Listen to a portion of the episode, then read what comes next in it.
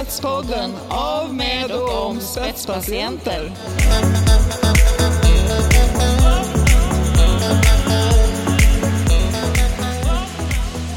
Vi på Spetspodden har idag glädjen att sitta mitt emot en person som har gått från att vara statstjänsteman till att vara vice ordförande i VED-förbundet. Välkommen Sören Berg! Tackar, tackar. Det är jätteroligt att vara här. Hur är det att gå från att vara utredare och sitta till statens tjänst till att eh, sitta i ett patientförbund?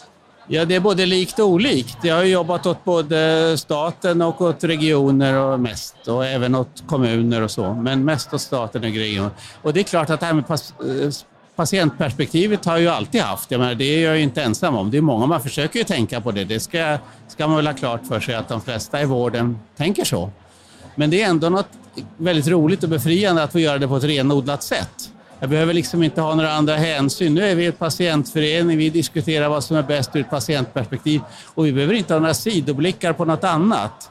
Vi, har inga, vi ska naturligtvis tänka på andra saker, vi ska inte bortse från andra saker, men vi, behöver, det, vi utgår ändå på ett väldigt renodlat sätt från patientperspektivet och det känns jättekul. Det känns lite som en fri, frihetskänsla faktiskt. Vad härligt. Ja. Om du blickar tillbaka då på dina år inom eh, stat och regioner och så, vad tänker du att du tar med dig därifrån in i arbetet kring en mer aktiv patientdelaktighet? Ja, alltså så, som vi sa förut så är det ju väldigt många som tänker på patientperspektiv. Men jag kommer ihåg, jag har väldigt länge reagerat på det här uttrycket patientmedverkan i vården. Det kommer jag ihåg jag reagerade på för tio år sedan. Jag tyckte det var jättekonstigt. Det låter som att vården är någonting som är långt där borta som vi patienter ska få vara med i. Det handlar mer om vårdmedverkan i patientlivet än om patientmedverkan i vården. Jag tycker det är ett bakvänt perspektiv. Och, och, eh, när jag jobbat förut och har sagt så här så har jag upptäckt att många har hållit med mig. Men det finns fortfarande en tanke som är att vården lever någon, den har ett eget liv som inte har med patienterna att göra. Och jag tror man behöver påminna sig om det där och jag tror att det är bra om patientorganisationen påminner om det. Ja, vem som är delaktig i vilkens liv så att ja, säga. Ja, men precis. Mm. Ja, vi är delaktiga alla i varandra, det är ömsesidigt, men, men det är ändå på något vis är faktiskt verksamheten till för patienterna. Det, mm. det går inte att, det är ändå det hållet ska vara på i huvudsak. Vilka frågor driver ni då i eh, förbundet nu? Och vad är det, du kan berätta lite kanske om förbundet också. Ja. Det är inte alla som vet vad VED-förbundet är Nej, kanske. det är nog inte många som vet det. Alltså, många har ju hört namnet Restless Legs och det är också ett alternativt namn på vår sjukdom. Och restless legs är väl ett bra ord för att beskriva den lindrigaste varianten av det, det vill säga att man känner att man, man, man har svårt att sitta still, måste resa på sig och sådär. Och besvären försvinner när man rör på sig. Det, men det här kan ha mycket, mycket allvarligare former också, då man verkligen totalt man får förstör sömnen och man är totalt nedbruten av det, att man inte kan få ro i kroppen. Och det är en fruktansvärt vanlig sjukdom, så vi är ett väldigt litet förbund för en oerhört vanlig sjukdom. Och då kan man säga att man räknar med att upp till 5-10 procent av befolkningen har problem av det här. De flesta kan kanske klara sig med lite ja, det kommer i skov och då kan man klara sig med lite stödstrumpor, lite varm och kalla dusch och lite annat.